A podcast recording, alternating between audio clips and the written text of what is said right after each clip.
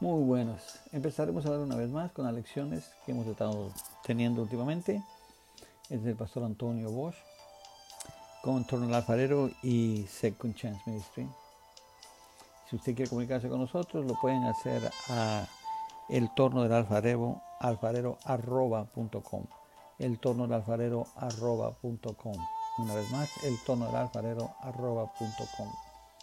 Y les podemos enviar las lecciones que nos pidan vía email y pueden estudiar en sus hogares, ¿ok? Bueno, la lección número 6 de este día se titula Avanzando como un creyente maduro.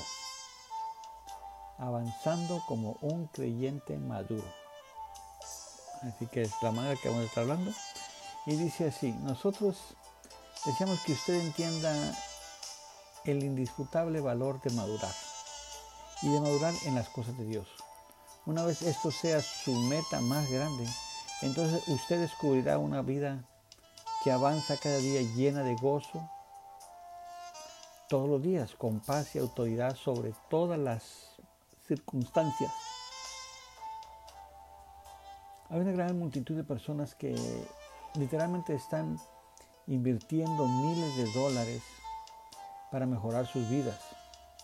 Desafortunadamente, la mayoría no tienen el menor conocimiento de que Jesús ya pagó por ellos el, precio completo para que puedan obtener nueva y eterna vida. Mejorada, media mejorada. Sería sorprendente el tener estos medios monetarios que están siendo invertidos en estos métodos. Eh, eh, para ellos intentar realizar una diferente imagen en sus vidas. Piensa en lo que podríamos hacer en el reino de Dios. Hay miles de libros en cómo ser feliz, ricos, amantes, eh, victoriosos y en fin, tantas cosas.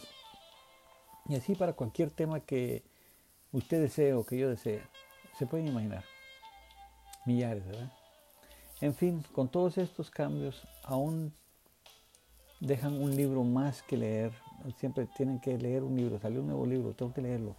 Tengo que leer ese libro, me, interesa leerlo, que se emocionan y están, eh, están eh, esperando leer ese libro. Eh, y, eso es lo que les importa más. como les repito, Cristo ya dio la vida por ellos. ¿Para qué andan buscando un libro? Ah, muchos dicen que este libro me ayuda a hacer esto y este libro me ayuda a hacer el otro. Y en realidad, pues no, no creo yo que les ayude. Ah, pero ¿qué, qué, sé yo, yo nomás estoy dando una opinión respecto a esto. Ah, quieren leer un libro más, quieren, ¿cómo les, no sé cómo explicarme. Las personas piensan que les falta algo en sus vidas. Y, y buscan y buscan y buscan. El privilegio más grande para el cristiano es el saber dónde y con quién pasaremos la eternidad. Aún así, hasta que ese día suceda en este tiempo, ¿cómo pelearemos en contra de nuestro adversario, el diablo?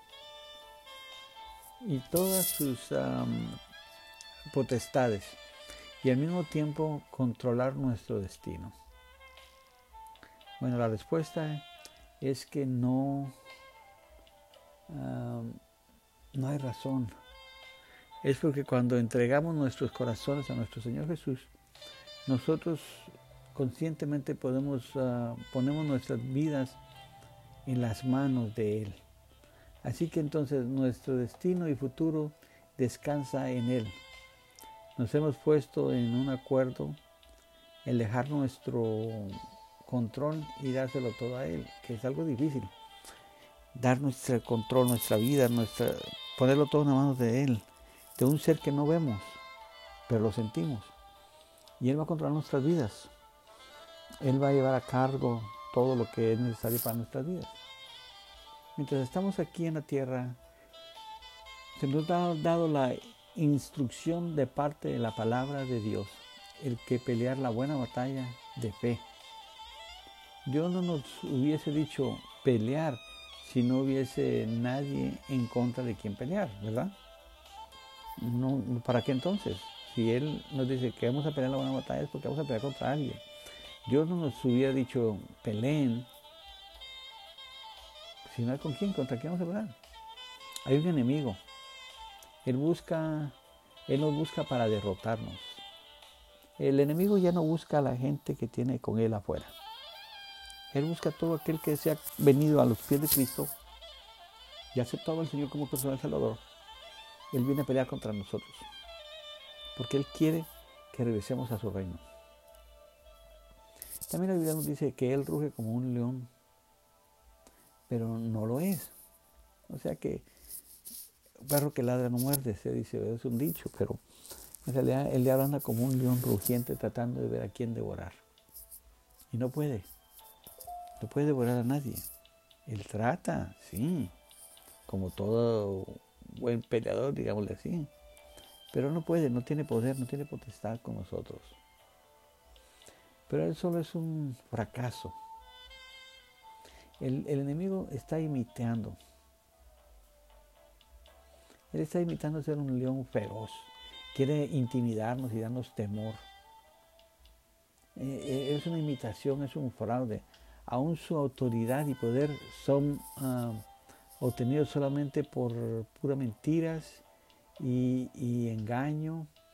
A todos aquellos que no comprenden uh, quiénes son en Cristo Jesús.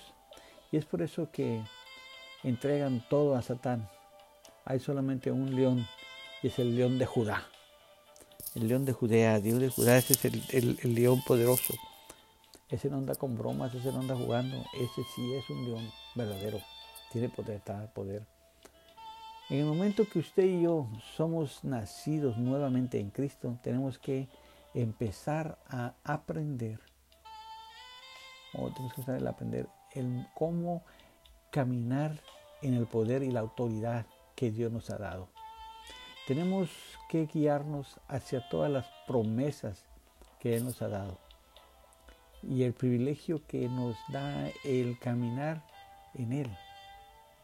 Aquí es donde todo se puede ver y al final de la carrera, eh, eh, todo se puede ver al final de la carrera, ya que tenemos que darnos oh, diariamente, tenemos que madurar diariamente como cristiano. Nosotros debemos mantener el proceso de manera que tenemos que medir totalmente todo el control o rendir todo el control y aprender a poner todos nuestros deseos en Él. ¿Quién es el Jesucristo, verdad? Ya que Dios dice que Él se preocupa por nosotros. Se preocupa por nosotros. Qué tremendo, ¿verdad? El Señor se preocupa por nosotros está al pendiente de nuestras necesidades, de lo que deseamos. Él está ahí. Así como la palabra nos indica y nos enseña que somos seamos sobrios y vigilantes. Nosotros no seremos ah, ignorantes de las escrituras y no somos ignorantes de las artimañas del enemigo. Ya sabemos, Él ataca en la carne, no en el espíritu. Por lo cuanto de ustedes, hermanos ya queridos, han sido tentados espiritualmente que le diga el Satanás, diezma, paga tus diezmos. No, ¿verdad? Haz esto. Eh, espiritualmente no puede hacer nada. Todo es material. Ah, sabemos artimañas del enemigo y en sus estrategias. En nosotros o en nuestros pensamientos tendremos ah, constantemente y decisivamente que nos, ¿cómo dijera? Nos acercásemos a Dios y resistiéramos al enemigo. Dice, resistir al, enemigo y él huirá de vosotros. Cada cristiano, cristiano que se está evolucionando y madurando en la palabra de Dios no permitirá nada ni nadie que se entrometa en medio de él y de Dios. No hay nada, no hay arma, no hay there is no weapon that can be forged. No hay arma que pueda ser forjada en contra de nosotros. La Biblia nos enseña en el libro de Revelaciones que Dios no nos dio, no nos tendrá ah, fríos o calientes. o somos solo tibios. ¿Verdad? No podemos ser tibios. Esto fue escrito para nuestro beneficio, así para que tengamos una, un aviso. La única cosa que puede dejar entrar al enemigo es el de comprometer la palabra de Dios en tu propia vida. Un cristiano maduro necesita de prepararse a sí mismo para así pelear la buena batalla de fe. Si no estás preparado, ¿de qué te sirve ser cristiano? Es como un soldado que vaya a la guerra, pero si no sabe cómo pelear, no sabe cómo usar su pistola, su rifle o nada, ¿cómo va a pelear? Tenemos, tenemos que ser sorbios y vigilentes de las artimañas, ¿verdad? Porque es peligroso. Eh, les repito una vez más, no comprometamos la palabra de Dios en nuestras vidas. Nosotros como seamos maduros tenemos que estar preparados para que sí podamos pelear la buena batalla. Tenemos que estar vigilantes de las artimañas y trucos del enemigo. No tenemos que vestir completamente con la armadura de Dios. Nos tenemos que vestir, mejor dicho, no.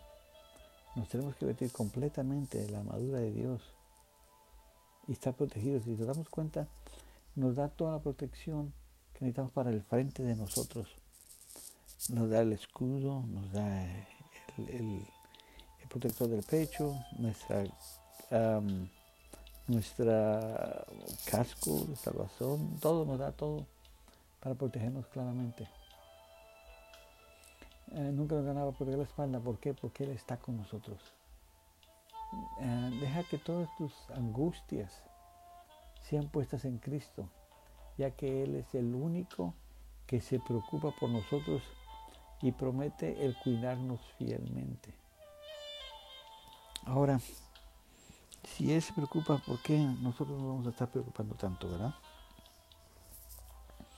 Vamos a ir al Primera de Pedro 5, 5 al 7. Y dice así, ustedes los más jóvenes sean sumisos a las autoridades de los ancianos.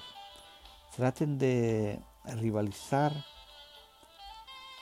en sencillez, humildad unos con otros, porque, número 6, humíllense, pues bajo la la poderosa mano de Dios para que, llegando el momento, es lo levante.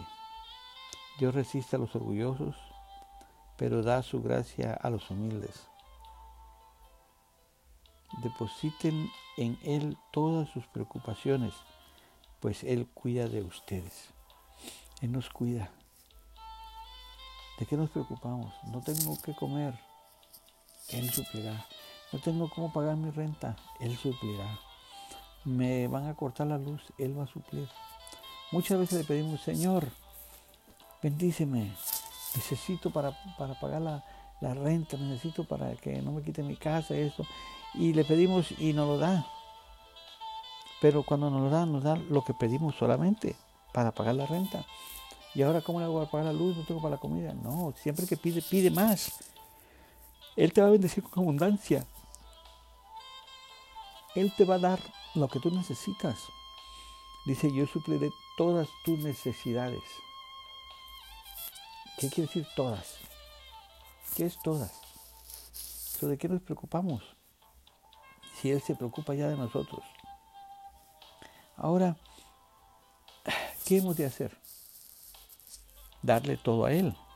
Decirle, Señor, aquí está mi problema, mi situación. Cubre y cumple mi, mi necesidad. Él prometió que Él suplirá todas. Dice que aunque andemos en el valle de sombra y de muerte, no temeré mal alguno. ¿Por qué no temerás? ¿Por qué? ¿Te has puesto a preguntar por qué? Bueno, yo te diré porque Él está contigo. Él suple tu necesidad. Amén. Vamos al Salmo 91, 1 al 16. Tú que habitas en el alparo del Altísimo, y decides a la sombra del omnipotente. Wow. Dile al Señor, diré al Señor, mi amparo, mi refugio, mi Dios, en quien yo pongo mi confianza. Confianza, yo la pongo en Dios, no en el hombre. Dios puede usar al hombre para bendecirte a ti, pero estás poniendo tu confianza en Dios, no en el hombre. No dependas lo que el hombre te puede dar. Yo he pasado por esas situaciones. Yo dejé de depender en lo que el hombre puede hacer por mí. Yo dependo de lo que Dios hace por mí. Amén. El número 3, 91.3. Él te librará del lazo del cazador del azote de la desgracia. 4. Te cubrirá con sus plumas y hallarás bajo sus alas el refugio. Aleluya. El 5. No temerás los, ah, los miedos de la noche ni las flechas disparadas de día. Las saetas, las flechas no van a atacarte. Número 6. Ni la, ni la peste que avanza en las tinieblas, ni la plaga que azota a pleno sol aunque caigan mil hombres a tu lado y diez mil a tu derecha, tú estarás fuera de peligro. Su lealtad será tu escudo y armadura. ¿Te imaginas? ¿Cómo queda bien esto ahora que en la situación que estamos pasando, verdad? En el 8, basta que mires con tus ojos y verás cómo se le paga al impío. Pero tú dices, mi amparo es el Señor. Tú has hecho del Altísimo tu asilo. El 10. La desgracia no te alcanzará, ni la plaga se acercará a tu vida. Aleluya. 11. Pues a los ángeles les ha ordenado que te escondan, te escolten en todos tus caminos, que van a tu lado contigo. El 12 en sus manos te habrá de sostener. En tus manos, sus manos Dios te tendrá, no te va a dejar ir. Te sostendrá para que no tropiece tu pie en ninguna piedra. El 13. Andarás sobre víboras y leones y, y pisarás cachorros y dragones. 14 pues a mí se acogió. Lo libraré, lo protegeré, pues mi nombre conoció. El 15. Si me invocara, yo le responderé. Y en la angustia estaré junto a él. Lo salvaré, le rendiré honores. alargaré sus días como los días Ah, como lo desea. O sea que Él, los años que tú quieras, Él te los va a dar, te los va a dar cumplir. Y haré que pueda haber mi salvación, ¿se imagina? Estas son promesas que el Señor nos hace y nos da. Así que tenemos que creer que Él va a cumplir su palabra como lo ha dicho. No es lo que queremos ni nada, sino Él va a hacer ah, él va a hacer lo que quiere que hacer para nosotros. Amén. ¿Cuánto lo pueden creer en esta noche? Yo sí lo puedo creer. Esto lo digo. Yo lo creo muy, muy, muy bien.